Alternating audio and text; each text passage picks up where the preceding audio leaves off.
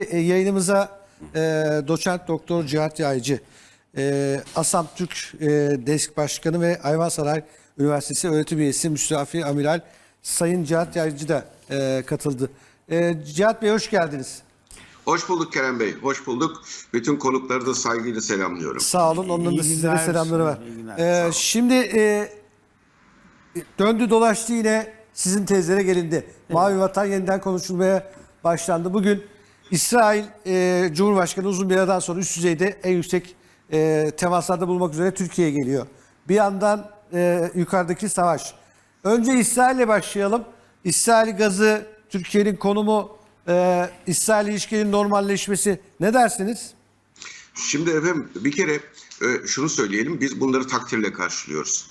Türkiye, e, Türkiye bütün e, dünyadaki bütün ülkelerle, devletlerle iyi ilişki kurmalıdır menfaatleri çerçevesinde. Bu çok önemlidir. E, bu şimdi biz tabii devletçi açıdan bakıyoruz. Kişiler, hükümetler gelip geçici, devlet bakidir. Yani şahısların hepsi de gelip geçicidir. O bakımdan Türkiye'nin devlet menfaatleri, millet menfaatleri çerçevesinde ilişkilerini bu şekilde geliştirmesinin e, ve bazı şeyleri, bazı şey- şeyleri devletin menfaatleri için geri plana atmış olması çok normaldir. Şimdi burada e, şunu ifade etmek isterim öncelikle. Yani şimdi bazı eleştiriler oluyor. Efendim e, İsrail'le daha önce Türkiye'nin arası kötüydü. Şimdi niye düzeldi? Ya düzelecek. Yani e, niye kötü diye eleştirinin şimdi görüşülmesini eleştirmesini de anlamış değilim. Ve e, Mısır'la mesela Mısır'la daha önce niye görüşülmüyor denirken şimdi niye görüşülüyor diye eleştirilmesini de e, kabul etmek mümkün değil. Keşke daha önceden görüşülseydi demek lazımdır aslında. Yani netice itibariyle bunlar iyi gelişmelerdir. Türkiye büyük bir devlettir. Bunu açıklıkla söylemek lazımdır. Türkiye Doğu Akdeniz'de en uzun kıyıya sahip, Doğu Akdeniz'de değil, Akdeniz'de en uzun kıyıya sahip devlettir. Ve Türkiye olmadan Akdeniz'de hiçbir şey olmaz. Doğu Akdeniz'de hele hele hiçbir şey olmaz. Bunun hepsi görüldü. Şimdi İsmet projesinin biliyorsunuz o güzergahından vazgeçildi. Neden vazgeçildi? Burada iki neden var. Birinci neden görünürdeki neden. Ekonomik olmadığı konusu. Yani bu görünürde. Ve Görünmeyen Görünmeyen neden ise şu. Türkiye burada net bir duruş gösterdi. Dedi ki sen bu boru hattını geçirebilirsin arkadaş. Ancak boru hattını geçirirken Birleşmiş Milletler Deniz Hukuku Sözleşmesi'ne göre güzergahı benden almalısın. Benim münasır ekonomik bölgemden, öngördüğüm münasır ekonomik bölgemden ya da kıta sahanlığından bu boru hattı geçecekse güzergahı, rotayı benden almak durumundasın. Yani bana söylemek durumundasın ve ben bunu uygun görürüm ya da şuradan geçir derim. Ama bunu bunu yaparsan ben sana engel olmam demiştir. Türkiye İsmet boru hattına engel olmamıştır. Sadece Türkiye hükümranlık hakkı çerçevesinde bu görüşü bildirmiştir. Ama Yunan Rum ikilisi ne Yunan Rum ikilisinin inadı nedeniyle bu bu proje maalesef gerçekleşmemiştir onlar açısından. Çünkü Yunan Rum ikilisi asla ve katta Türkiye'den böyle bir güzergah talebinde bulunmayacak, onun onayı alınmayacak denmiştir. Şimdi burada kitlenmiştir. Kitlenince Amerika Birleşik Devletleri çok açıkça şunu söylemiştir. Güvenlik sorunu doğuruyor. Huzursuzluk doğuruyor. Burada burada sıkıntı doğuruyor, problem çıkartıyor bu projenin bu hali demiştir. Şimdi o zaman İsmet projesi aslında iptal olmadı. İsmet projesinin o güzergahı iptal oldu. Onu, onu açıklayalım. Şimdi başka güzergahlara bakılıyor. Şimdi bu güzergahlardan en feasible olanı doğudan, Kıbrıs Adası'nın doğusundan Türkiye üzerinden boru hatlarına bağlanarak Avrupa'ya gazın aktarılması. E Şimdi Rus-Ukrayna e, savaşı nedeniyle Rusya'ya gaz bağımlılığını azaltmak isteyen Avrupa mutlaka başka kaynaklara ihtiyaç duyacak. Bu başka kaynaklardan bir tanesi de bu e, hem Doğu Akdeniz'de İsrail'in Güney Kıbrıs Rum yönetiminin sözde Kıbrıs Türklerinde hakkı vardı. Bunu asla unutmayalım bu arada. Ona ona ona özellikle dikkat çekmek lazım. Şimdi mesela e, bu e, böyle olunca Kuzey Kıbrıs'ın da önemi bir kez daha ortaya çıkmış oldu. Evet, benim şimdi burada bir e, ben diyorum ki burada bir grand strateji kuralım. Yani madem Ben de. böyle menfaat e, menfaat e, zorlaması var. Ve biz de o zaman menfaatlerimizde ortak bir zemin bulalım. Ve bizim bütün amacımız şu değil mi aslında? Kuzey Kıbrıs Türk Cumhuriyeti'nin güçlendirilmesi ve Evet. Doğu Akdeniz'deki deniz yetki alanlarımızın tanınmasıdır. Şimdi o zaman şunu demek lazımdır. Madem öyle. Madem doğudan geçecek, Kuzey Kıbrıs Türk Cumhuriyeti'nin deniz yetki alanını müstakil bir devlet olarak belirleyelim. Diyelim ki burasının temsilcisi Güney Kıbrıs Rum yönetimi değildir. Burası aslında Kuzey Kıbrıs Türk Cumhuriyeti'nin münhasır ekonomik bölgesidir. Kuzey Kıbrıs Türk Cumhuriyeti münhasır ekonomik bölge ilan etsin. Nasıl münhasır ekonomik bölge ilan etsin? Zaten ruhsat sahalarıyla ki o ruhsat sahalarının belirlenmesinde benim haritalarım kullanılmıştır yine. Ruhsat sahaları e, bu ruhsat sahalarına münhasır ekonomik bölge ilan etsin e, Kuzey Kıbrıs Türk Cumhuriyeti ve Avrupa'ya taşınacak bu gaz için Kuzey Kıbrıs Türk Cumhuriyeti'nden bu sefer onay alınsın. Yani şimdi biz bunu şimdi biz tek taraflı olarak bunları yapmamalıyız. Biz tek taraflı olarak asla ve katta bunları yapmamalıyız. Nasıl? Yani şöyle şöyle düşünmemeliyiz. Şimdi bazıları hemen aklına şu, şu gelir. Efendim ya siz de aman işte buradan geçsin. Niye Kuzey Kıbrıs Türk Cumhuriyeti'ni karıştırıp da işi yokuşa sürüyorsunuz? Ya bu devlet yönetimi böyledir.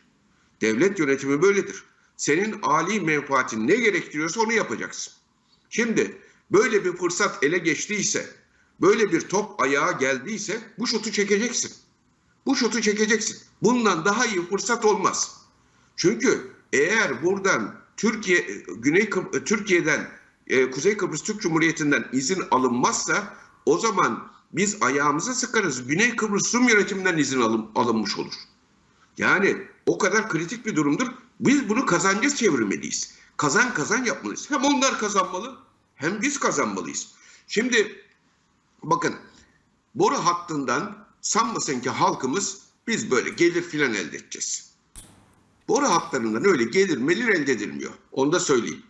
Boru hatlarından elde edilen gelirin en fazla Bakü Tiflis Ceyhan boru hattıdır. 50 milyonla 100 milyon dolar Evet, arasında evet, bir gelir evet, elde edilir yıllık olarak. Bakü Tiflis Ceyhan boru hattıyla bu boru hattı da kıyaslanmaz. Yani İsrail'den gelecek gazın, Güney Kıbrıs Rum yönetiminden gelecek gazın e, bize ya buradan gelir gelecek bak sonra sokma. Cihat Amirelim sen de zora sokuyorsun. Bizim zaten maddi konulara, maddi şeylere ihtiyacımız var. Onun için de zora sokmayalım. Şimdi biz bunu böyle günlük hesaplarla asırlık kayıplarına neden olabilecek şekilde günlük menfaatimizi düşünelim diyen varsa çok yanılır. İşte gördük Çok- şimdi. Ukrayna meselesinde gördük. Rusya'nın Evet. bu kartı nasıl oynadığını. Tabii. Bakın bu çok önemlidir. Çok önemlidir. Biz burada bizim ayağımıza top geldi. Kuzey Kıbrıs Türk Cumhuriyeti'ni tanıtma top e, e, e, tanıtma hakkı geldi. Güney Kıbrıs Rum yönetimini yok saydırma topu geldi ayağımıza. Biz burada Akdeniz'de çok önemli bir kart elimize geçiyor. Bu kartı iyi değerlendirmemiz lazım. Bu birincisi. İkincisi, şimdi ben bir makale yazmıştım. 2012 yılında. Libya makalesini yazdıktan sonra demiştim ki Libya ile anlaşmanın yapıldığını varsayalım. Ki o zaman işte Sayın Cumhurbaşkanı başbakanken Libya'ya gitmişti, Kaddafi ile anlaşmıştı. Tam işler yoluna girerken Kaddafi devrilmişti. Ki Libya anlaşması o zaman imzalanacaktı aslında. Fakat e, olmadı. Ben olmayınca vazgeçmeyelim dedim. Dedim ki kendi kendime eğer Libya anlaşması imzalanmış olsaydı bundan Evet. sonra hal tarzımız nasıl olması lazım? Biz biz ne yapmalıydık? Söyledik. İşte orada 2012 yılında Türkiye ile İsrail arasında aynen Libya hattı gibi. Libya hattı böyledir. İsrail Türkiye hattı da böyledir. Yani bazıları hiç bilmeden efendim Dışişleri Bakanlığı harita yayınlamış. Dinlememiş. O haritada o haritada Libya, e, İsrail'le karşılıklı kıyı yokmuş. Onun için de sınırdaş değilmişiz gibi böyle Türkiye'yi kısıtlayıcı Türkiye ya Allah'ın emri mi Dışişleri Bakanlığı'nın yayınladığı harita?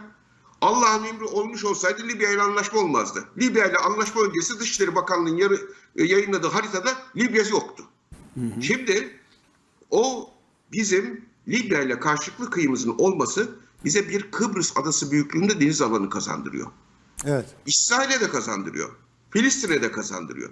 Şimdi bizim bunu ben bu e, makaleyi e, bundan e, bir sene önce yaklaşık veya bir buçuk sene önce Tel Aviv Üniversitesi'nde bilimsel makale olarak yayınladım. Şimdi Tel Aviv Üniversitesi'nde yayınladığım bu makale İsrail'de bir ay ya da bir buçuk ay her gün e, bütün tartışma programlarında tartışıldı. Orada iki, iki husus söylemiştim Kerem Bey. Dedim ki bir, Güney Kıbrıs Rum yönetimi sizi kandırdı, dolandırdı. Yani bırakın Türkiye'yi dedim. Türkiye'yi bırakın. Türkiye yok. O coğrafyada Türkiye yok. Sadece Güney Kıbrıs Rum yönetimi var ve siz varsınız. Deniz hukukuna göre anlaşma yapmış olsaydınız şu anda 4000 kilometre kare yani şu andaki alanınızın bir katına yakın bir alan daha neredeyse almanız lazımdı yarısı kadar dedim. Ve Afrodit sahasının Evet. İsrail'e İsrail'e ait olması lazımdır dedim. Müthiş bir sarsıntı oldu. Biz bu anlaşmayı nasıl imzaladık diye. İkinci kısmı bırakın dedim şimdi Güney Kıbrıs Rum yönetimini. Türkiye ile anlaşma imzalamış olsaydınız, asıl karşılıklı kıyımızın Türkiye ile olmuş olduğunu görmüş olsaydınız nasıl olurdu? Şu andakinin iki katı deniz yetki alanı olacaktı. Hem Türkiye kazanacaktı hem İsrail kazanacaktı.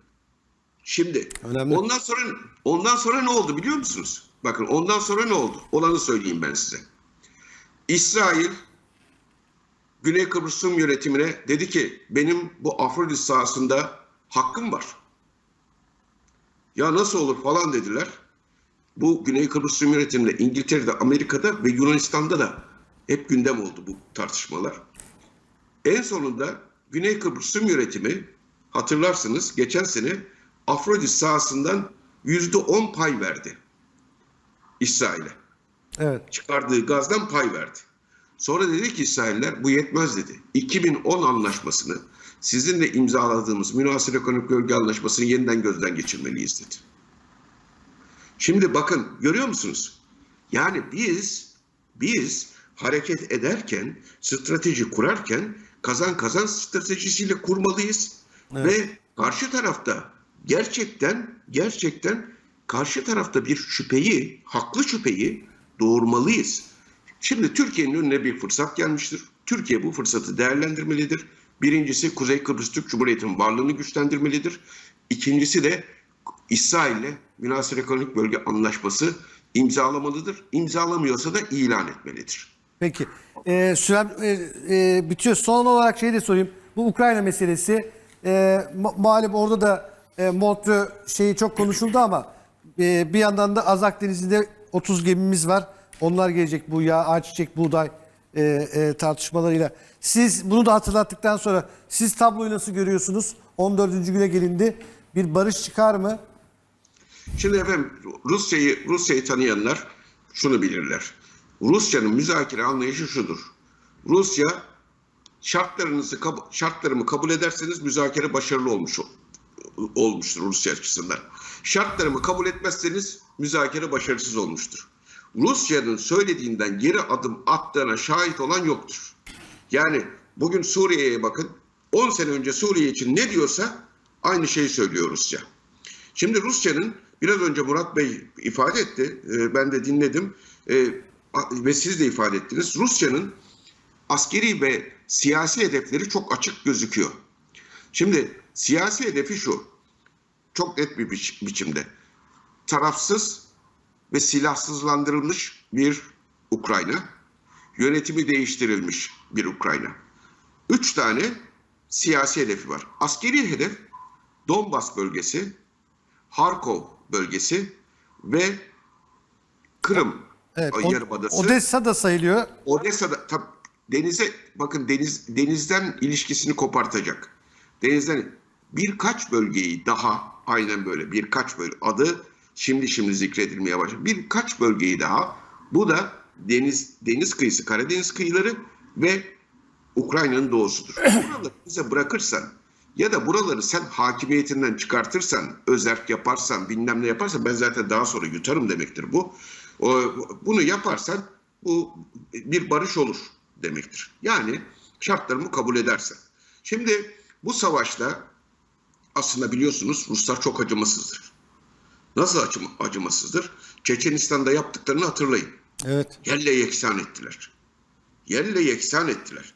Ve şu anda Çeçenistan'daki müftü diyor ki bakın nasıl tersine çevirdiler. Müftü diyor ki Şehit. Ruslarla savaşmak Ukrayna'ya karşı cihat etmektir diyor. Evet. Ya bakın ya. Bakın bu duruma ge- geldi. Peki Ruslar burada bu kadar gaddar davranmıyorlar. Sebebi şu. Diyorlar ki Ukraynalılar da Rustur. Bizim ırkımızdandır. Ve dünyanın da gözü burada. Biz şimdi biraz daha temkinli, biraz daha titiz davranalım diyorlar. Ve daha fazla gitmeden diz çöktürmeye çalışıyorlar. Ama görünen o ki şehir şehrin içerisine sıkışmış, şehrin içerisine sıkışmış olan yönetim e, bir e, direnç gösteriyor sözde gözüküyor. Ama ortada bir gerçek var. Askeri olarak söyleyelim. Kiev'in etrafı sarıldı mı? Sarılı. Kuşatıldı mı? Evet. Kuşatıldı. Peki 6 tane ordusu Rusların, 11 ordusunun 6 tanesi şu veya bu şekilde Ukrayna'nın işlerine kadar girdi mi? Evet. Girdi. Şimdi efendim yolun 100, 100 metre sağında, 100 metre solunda. Önemli değil ki bu. Önemli olan bu konvoyların otobandan girip ta rahat rahat ilerlemesi değil mi? Yani efendim arıza yapıyor. Rusların zaten şeyleri, tankları, bilmem neleri filan filan bunlar arıza yapar. Ve burada da görüyorsunuz çok acıdır. Bunu da halkımız görsün. Ruslar, Ruslar maalesef 2. Dünya Savaşı'nda olduğu gibi Türkleri kullanıyorlar savaşta. Esir düşen Türklere bir bakar, e, esir düşen Rus askerlerine bakar mısınız? Hepsi çekik gözlü. Türk soylular. Türk soylular. Bu hep böyle olmuştur. Bunlara dikkat etmek lazımdır. Ukrayna'da Ukrayna'da aynen şöyle olmuştur. Ukrayna hep bunu söylüyorum. Ukrayna batıdan takviye beklerken batı tarafından tahliye edilmiştir. Ya, Ukrayna'nın durumu da budur. Ukrayna yani şu andan itibaren bakın MiG-29 göndereceğiz diyor Polonya. Onu da O da olmadı. O da ya bakın MiG-29 bu bunların mühimmatları Rusya'dan geliyor. Mühimmat var mı? Yok. Yedek parçası bilmem nesi Rusya'dan geliyor. Onlar var mı? Yok. E, Sen eğer sen takviye edeceksen F-16 ile takviye et, F-35 ile takviye et onu göreyim ben.